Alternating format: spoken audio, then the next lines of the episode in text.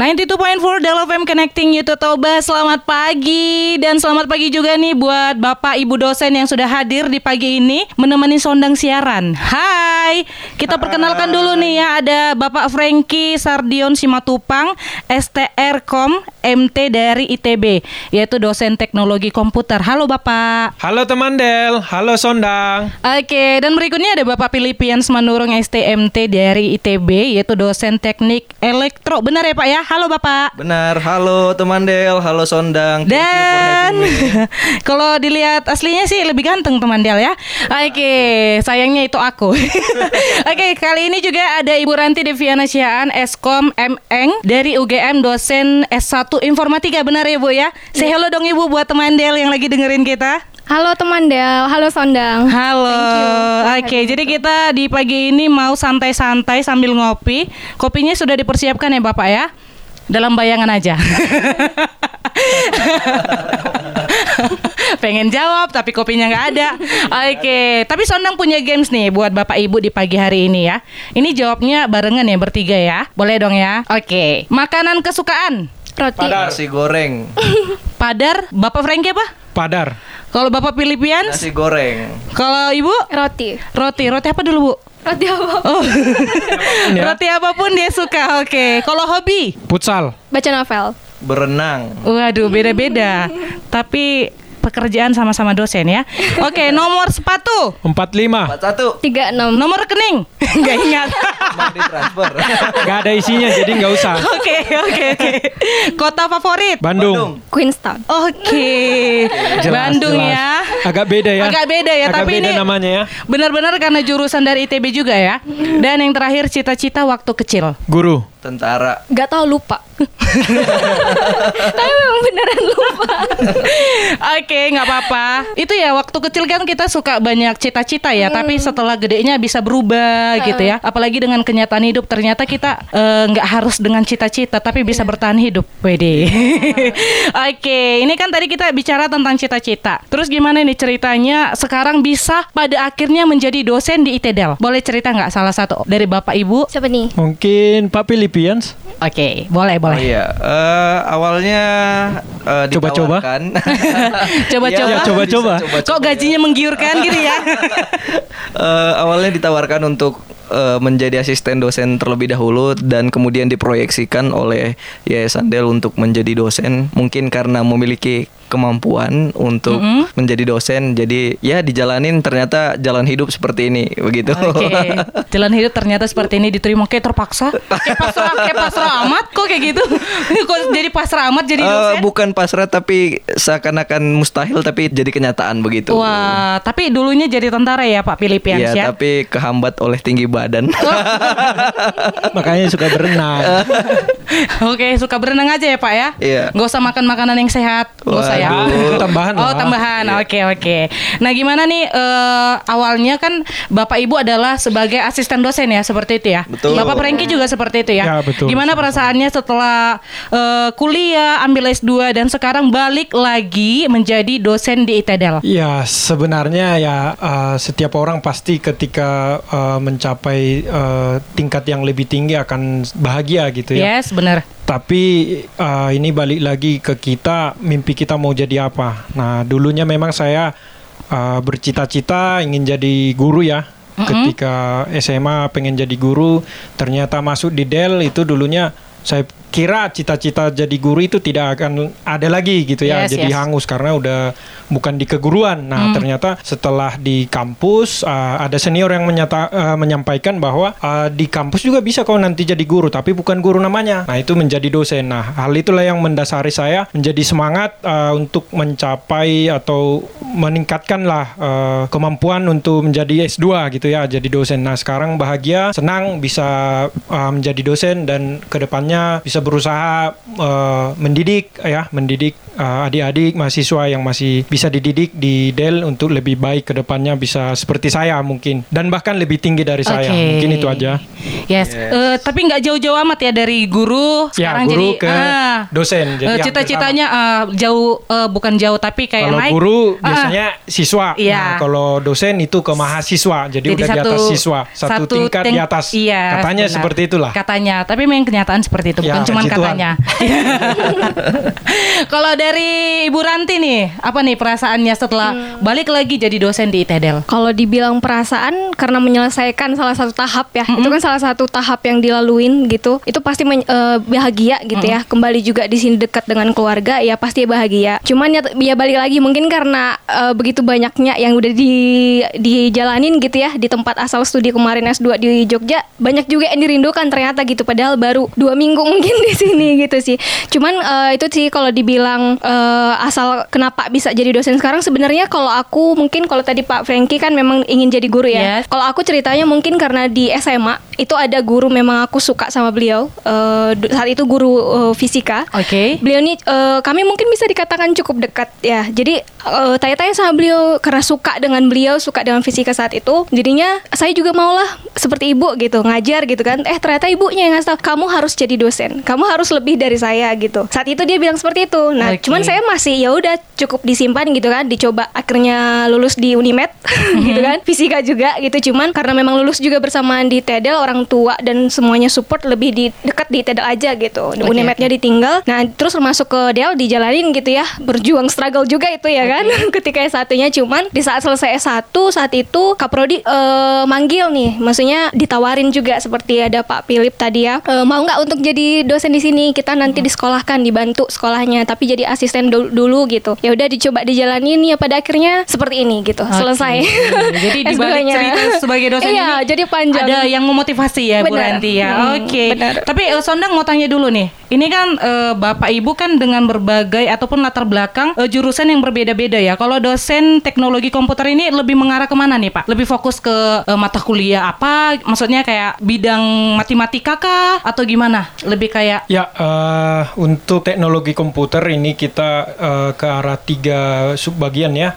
Itu bisa kita Internet of Things yang sekarang sudah eh, banyak kita paham eh, akan Internet of Things. Ada lagi cloud, sistem cloud ya. Ada teknik komputer, jaringan, security. Nah, itulah yang Oke. akan sering dibahas di tekni- teknologi komputer ini gitu. Oke, ini lebih kayak jadi hacker nggak sih Pak?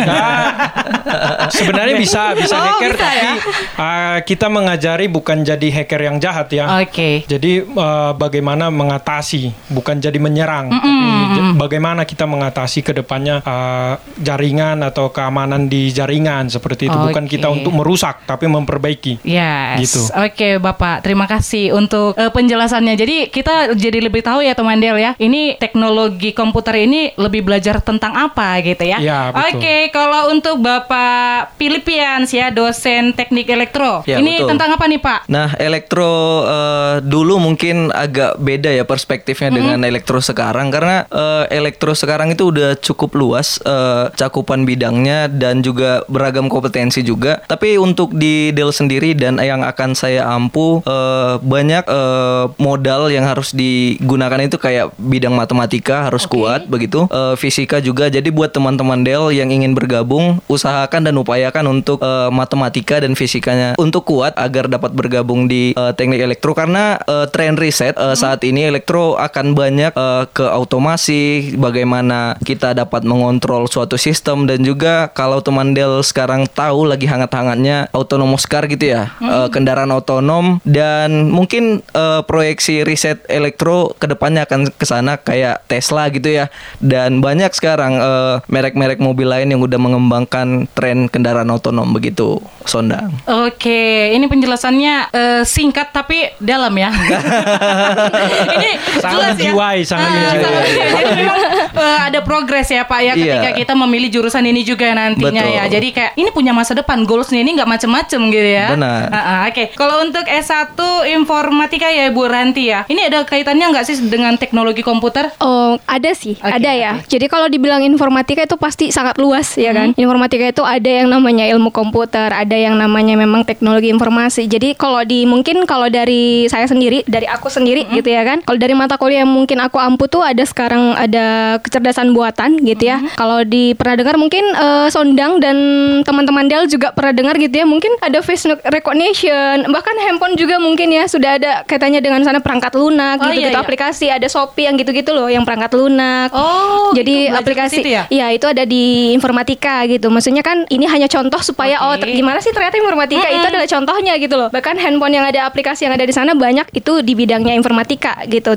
Cuman memang karena kita menuju yang namanya dunia yang pastinya data yang besar gitu ya. Ada yang namanya machine learning gitu ya. Itu juga bagian dari informatika juga, computing gitu kan. Kecerdasan buatan, machine learning itu adalah tujuan dari informatika itu gitu. Tapi di luar itu sendiri sebenarnya ada kok yang kayak eh, mungkin itu adalah bidangnya yang rekayasa perangkat lunak, yang seperti aplikasi-aplikasi itu yang kayak gitu yang ada di handphonenya masing-masing mungkin sama teman-teman Del sama Sondang juga. Bahkan em, ya itu sih bidang yang lebih kalau dibilang Kalau informatika. lulusan nanti S1 informatika ini eh, ahli lah ya dalam hal untuk perangkat lunak. Harusnya seperti Nah, itu. Harusnya seperti itu ya. Cuman- Berarti bisa dong ya melunakkan hati seseorang. Oke. Bercanda ya Bu ya. Oke, nah ini kan sekarang udah jadi dosen ya. Eh, pasti Bapak dosen, Ibu dosen setelah lulus dari S2-nya ada dong ya ekspektasinya eh, bisa terlibat menjadi dosen di TEDEL itu eh, pengen jadi dosen yang kayak gimana sih? Mau jadi dosen yang murah hati, yang suka senyum atau yang selalu eh, mengayomi mahasiswanya atau yang suka nenter- traktir kayak gitu di setiap akhir bulan. Ini kayak curhatan hati ya. Oke, salah satu dong. Pak Philip Siapa eh, nanti bisa ditambahin Iya. Pak. Bisa Ditambah, ditambah ekspektasinya Iya. sebagai dosen deh. Mungkin bisa disebut ya kami bertiga itu dosen muda dan kami pengen disebut juga dosen milenial kali ya. Amin, amin ya. Iya, eh, karena memang dosen itu ada tiga cakupan ya yang harus dikerjakan begitu ya. Satu pengajaran, Mm-hmm. kedua itu penelitian, yang ketiga itu pengabdian kepada masyarakat. Nah, jadi eh, untuk meramu ketiganya dalam proses karir eh, memang dapat dihitung jari ya, tapi terkesan waktu itu kayaknya nggak cukup dalam seminggu untuk melaksanakan ketiganya. Jadi butuh bantuan dari para mahasiswa-mahasiswi yang kami eh, ajarkan juga begitu ya. Jadi kayaknya menjadi dosen yang menyenangkan juga eh, mantep gitu bareng mahasiswa-mahasiswi karena ini akan mendukung eh, riset yang berkelanjutan juga ya dari mahasiswa dan juga nanti ada implikasinya ke kemajuan institusi begitu. Oke, kalau Bapak Franky ekspektasinya sebagai dosen apa nih di TEDEL? Ya, eh, memang sebenarnya sama dengan Pak Philip ya. Kita pengen menyenangkan karena saya juga ketika ngam- eh, mengambil S2 ada beberapa dosen yang menyenangkan. Nah, itu eh, akan mema- memacu ya. Jadi motivasi kita- juga ya, Pak motivasi. ya. Nanti uh, kalau jadi dosen aku juga pengen Ya betul. ini gitu nah ya. kita ha- harus bisa dekat dengan mahasiswa. Namun eh, kadang ketika kita dekat dengan mahasiswa, eh, mahasiswa kebanyakan memampatkan dalam arti eh, mereka jadi tidak menghargai kita. Nah Yes. eh, mungkin ini jadi pesan juga eh, untuk mahasiswa ya. Kalau dosennya dekat, jangan jadi eh, hal itu menjadi sesuatu yang apa ya? Apa dibilang? yang membuat kita uh, ini Tidak peluang respect. nih. Iya, tidak Uh, respect tidak mungkin respect. ya, ya. Tetaplah Jadi- menghargai. Ya, tetap dihargai. Kalau dalam ranah ling- eh, lingkungan kuliah ya udah kita dosen eh, dengan mahasiswa, tapi kalau di luar ya bebas gitu. Mm, tetap Ya. mengikuti prosedur ya, Ya, SOP betul. yang ada, bahkan Betul. ya harus saling menghargai seperti itu ya Pak ya. Iya, betul. Oke, memang itu di mana-mana memang harus dilibatkan. Ya, itu hal-hal harus seperti kolaborasi kita antara si mahasiswa dengan si dosennya supaya tujuan mereka tercapai, tujuan kita juga tercapai sebagai dosen gitu. Iya, Gitu sebenarnya mungkin ya. eh, untuk menunjang eh, apa ya tujuan dari mahasiswa ini bisa menyelesaikan studinya seperti itu ya. Kadang kan eh, karena rasa segan terlalu segan sama dosen, jadi kita hanya untuk bertanya tentang Iya, sesuatu betul. pun mahasiswa itu jadi takut seperti Iya. itu ya. Kita tidak menginginkan Iya, itu, tidak- tapi tidak kedekatan itu. itu. jangan salah diartikan. Iya, Nah, betul, Itu betul. poinnya. Oke, kalau dari Bu Ranti sendiri, ini ekspek- ekspektasinya sebagai dosen nanti Iya, apa nih? so- soalnya cewek ya. Iya. Beda-beda soalnya nih. Agak beda nih ya.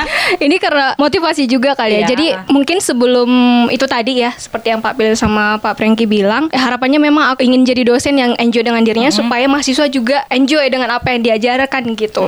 Karena kebetulan memang dari semua pengalaman kemarin tuh eh, dari studi S2, mungkin bukan beberapa bahkan semua semua profesor, semua dosen di sana tuh luar biasa. Sangat mungkin seperti padi gitu loh melihat ke bawah, mengayominya itu betul-betul mengayomi gitu loh, mendidik, mengajak bahkan mengajak buk nggak bikin mahasiswanya malu gitu. Oke. Jadi kayak ya semua orang punya kelebihan kekurangan. Saya selalu di notif gitu sama sama profesor saya, sama supervisor tesis. Jadi eh, semua itu harus saling respect gitu. Jadi semua orang punya kelebihan kekurangan dan semua orang itu nggak harus dituntut untuk menguasai segala hal gitu. Jadi di sini juga saya ingin jadi dosen yang enjoy supaya mahasiswa saya juga enjoy. Seperti yang Pak Philip juga ingin dekat tapi tolong kita saling respect gitu. Iya, aku juga aku juga setuju nih Bu ya. Apalagi kan ini pelajaran ataupun mata kuliah dari eh, kampus ITDL agak-agak dari penjelasan kan agak-agak emang berat gitu ya. Jadi kalau dosennya juga agak-agak kaku kita Betul, betul. kita juga bakal gimana ya Iya, menyelesaikannya ya. benar. Jadi eh, harus saling mengerti, Betul. menghargai seperti itu ya. Oke, tadi kita ngomongin nih ya pengalaman kuliah S2 pasti ada aja. Apalagi itu kan bukan di daerah kita ya. Kita kan orang Batak, kita eh, berangkat atau merantau itu berada di luar eh, daerah kita. Seperti Bapak Frankie dan Bapak Philippians itu ada di daerah eh, Bandung ya. Betul. Betul. Kalau. Sondang tanya, bisa nggak sih bahasa Bandung di sana dua tahun loh? Wah. ada, coba-coba dites dong, dites dulu dong. Semoga masih ingat ya. Iya, kira-kira apa nih? Kalau sapa-sapa pakai bahasa Bandung itu kayak gimana, Pak? Sapaan itu biasanya kalau mau permisi gitu ya. Punten, Bapak Punten, Ibu, punten, Akang A. Teteh gitu. Oke. Konten A. Iya, ada lagi nggak? gitu. Kalau dari Ibu, kalau di Jogja itu gimana, Bu? Kalau sapaan gak sih tetap selamat siang. Jadi Oh. nggak ingat palingan eh, matur nuwun, terima kasih gitu kan. Kalau maaf tuh nuwun sewu, Bu gitu. Gitu ya.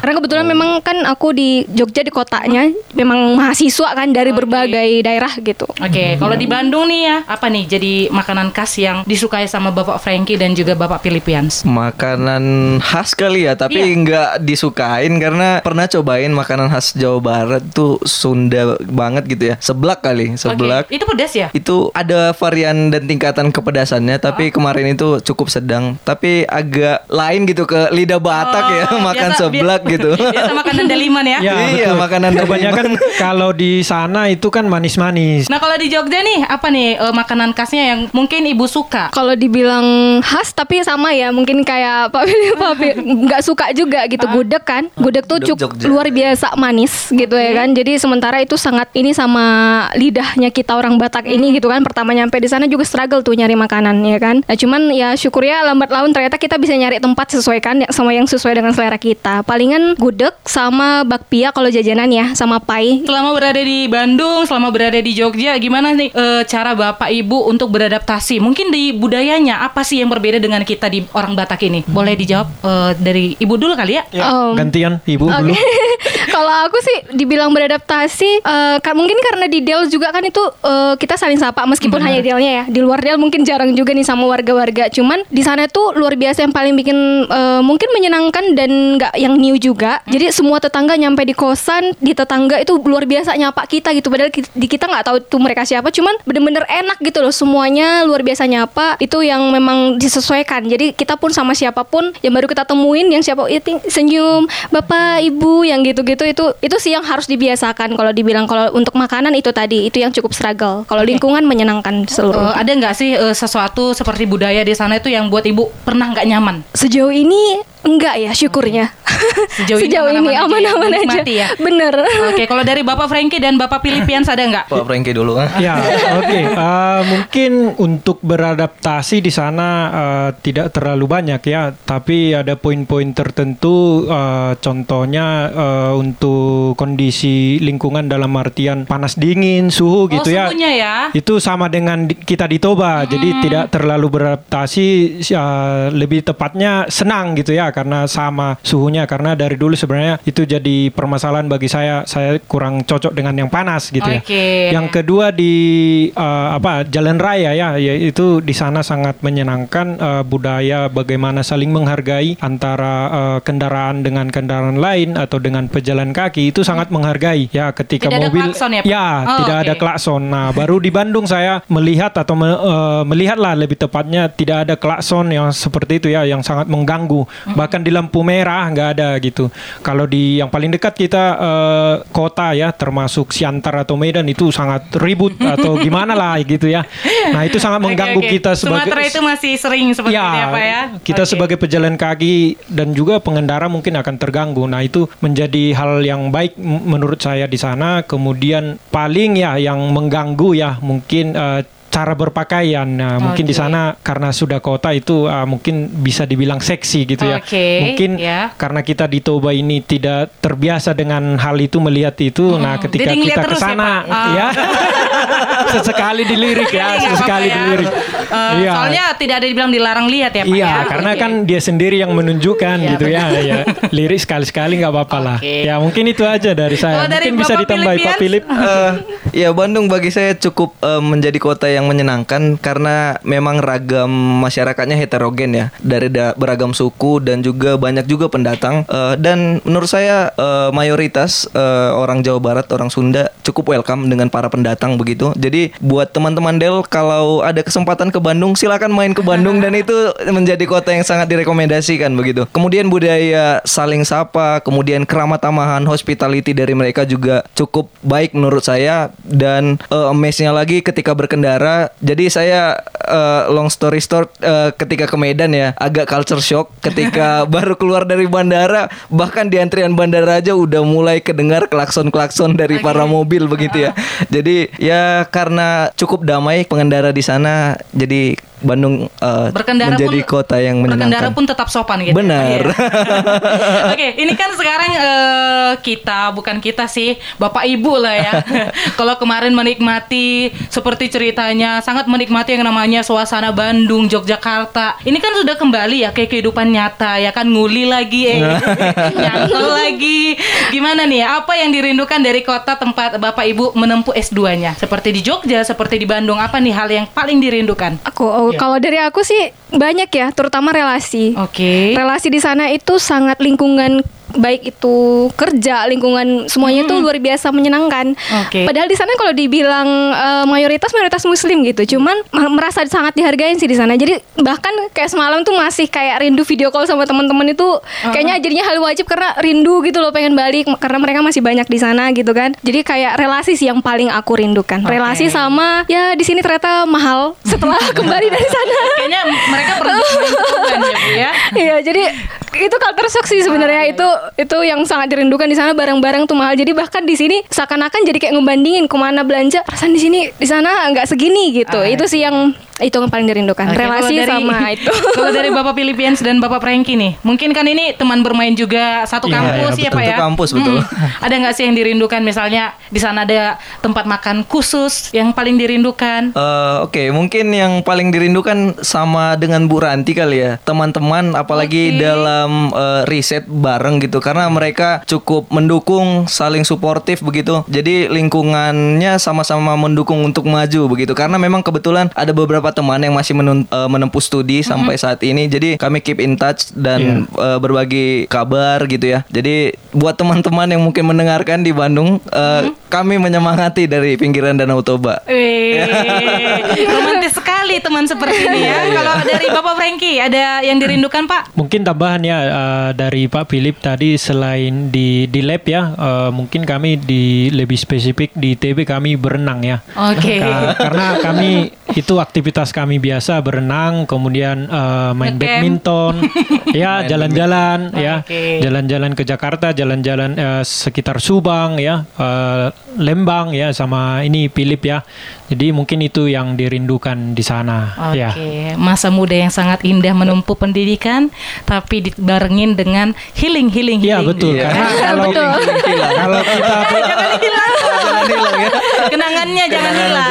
Oke. Jadi kali ini Sondang mau tanya nih untuk Bapak Ibu apa sih yang menjadi tantangannya? Bahkan mungkin bakal jadi tantangan selama Bapak Ibu menjadi dosen di ITEDEL seperti itu. Kalau tantangan pasti ada ya, Sondang dan teman-teman Del. Eh, itu sudah pasti. Yang namanya ilmu itu belajar itu pasti akan selalu perlu di berubah dan terupdate lah ceritanya gitu kan. Itu kemajuan teknologi bukan hanya teknologi tapi juga ilmu pengetahuan dan sebagainya gitu. Yes, nah, benar. jadi ketika eh, menjadi tantangan saat ini bahkan kita harus eh, mempersiapkan diri dengan baik supaya mahasiswanya juga bisa nerima apa yang kita sampaikan itu juga tantangan gitu ya dengan berbagai mata kuliah yang diberikan dengan eh, sama kita. Mungkin yang akan menjadi tantangan panjang itu tadi kalau dibilang dosen itu sudah pasti harus lanjut lagi studi. Ya pasti kita harus nyari biaya lagi lagi, beasiswa Ah, lagi, lagi. Oh, benar gitu gitu, ya. kan. Jadi ya itu luar biasa banyak tantangannya gitu loh. Jadi bukan hanya yang sekarang yang untuk menyampaikan mempersiapkan diri untuk jadi pengajar yang baik itu juga tantangan. Untuk jangka panjang kita harus lanjut studi lagi dan Upgrade sebagainya. lagi ilmunya, Benar, kita begitu ya, belajar ya. lagi tentang segala sesuatu yang perlu dipelajarin supaya mahasiswanya juga tahu apa yang memang lagi tren dan berkembang gitu. Iya, Itu sih. Kalau bisa sih menyampaikan eh, ilmu pengetahuan itu dengan santai, tapi memang mahasiswanya menerima ya.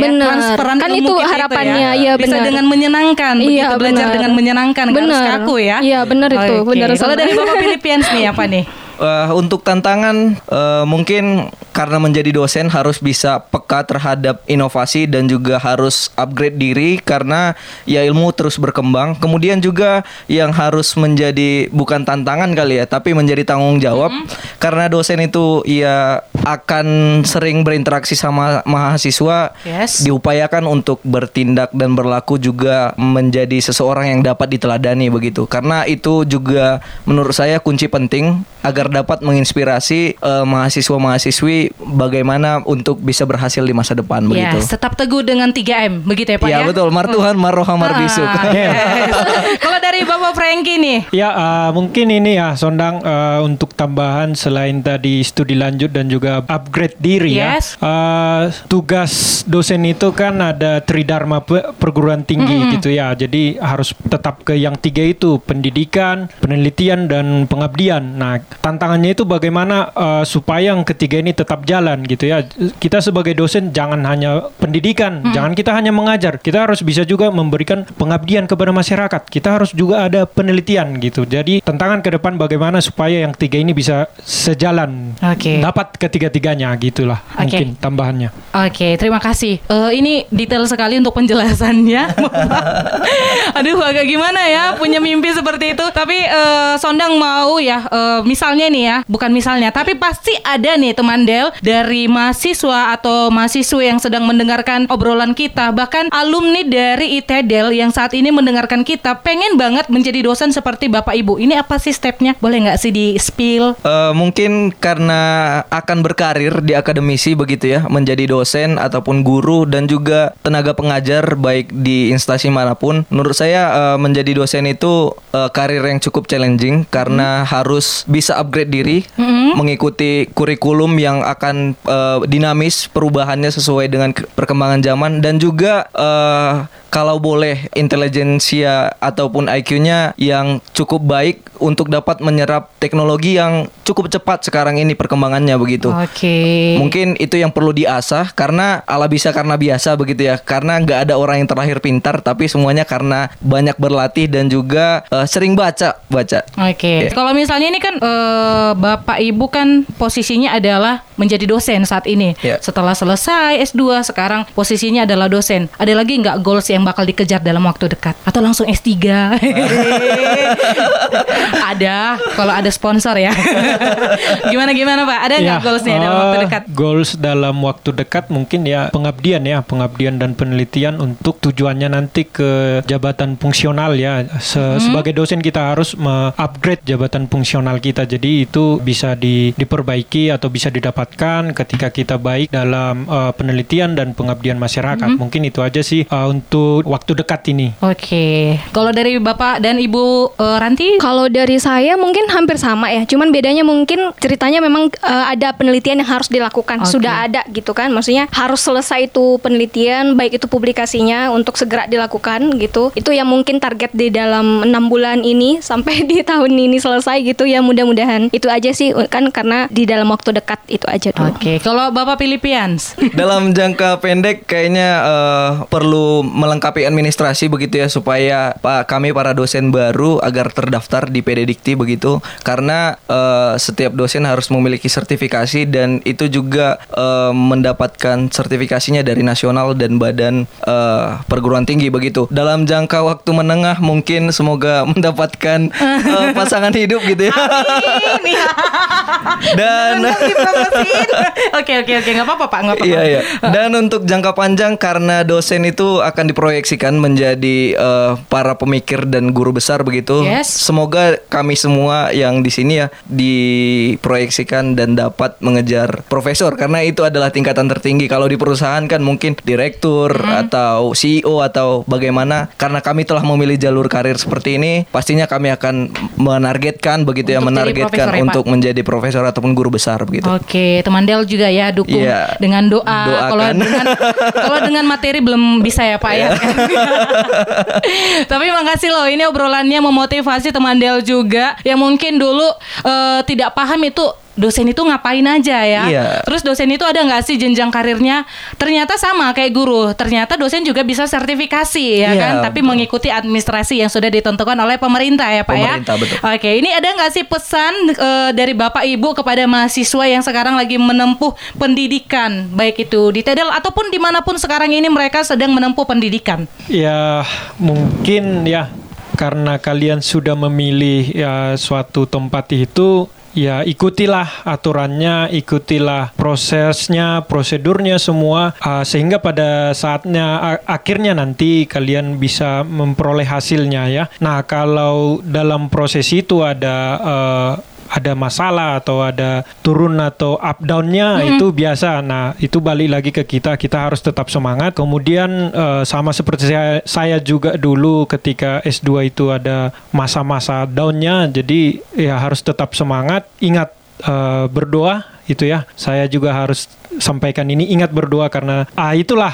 eh, yang kita imani. Kita harus berdoa ya. Kemudian eh, apa ya? Mungkin itu aja tuh. Oke, seperti tadi pesan Bapak Frankie ya, mungkin dari Bapak Ibu pernah juga ya kayak ngalamin eh, hampir putus asa dalam penyusunan eh, tesis seperti Benar. itu. Ada nggak sih cerita se- tersendiri dari Bapak Ibu? Boleh nggak sih di-spill singkat gitu? Kalau dibilang struggle ketika S2 sudah pasti ada ya. Sondang dan teman-teman Del itu sudah pasti. Apa pun yang dikerjakan semua punya tantangan. Kalau saya pribadi kemarin kalau aku pribadi itu di tesis pastinya. Yes. Itu pasti hal yang paling tantangan paling sulit ya dalam penyelesaian S2 ini.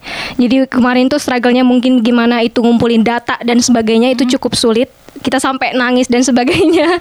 Mungkin ini curhat curhatan nih bahkan pernah sakit gitu ya kan sampai ini ngumpulin datanya gimana caranya atau ini kita harus hubungin pakar yang mana lagi kan gitu. Itu itu pasti struggle yang paling luar biasa di tesis sih kalau ketika S2 kemarin. Oke, tapi Gitu. terlewati ya Bu ya. Tapi akhirnya terlewati puji Oke. Tuhan gitu.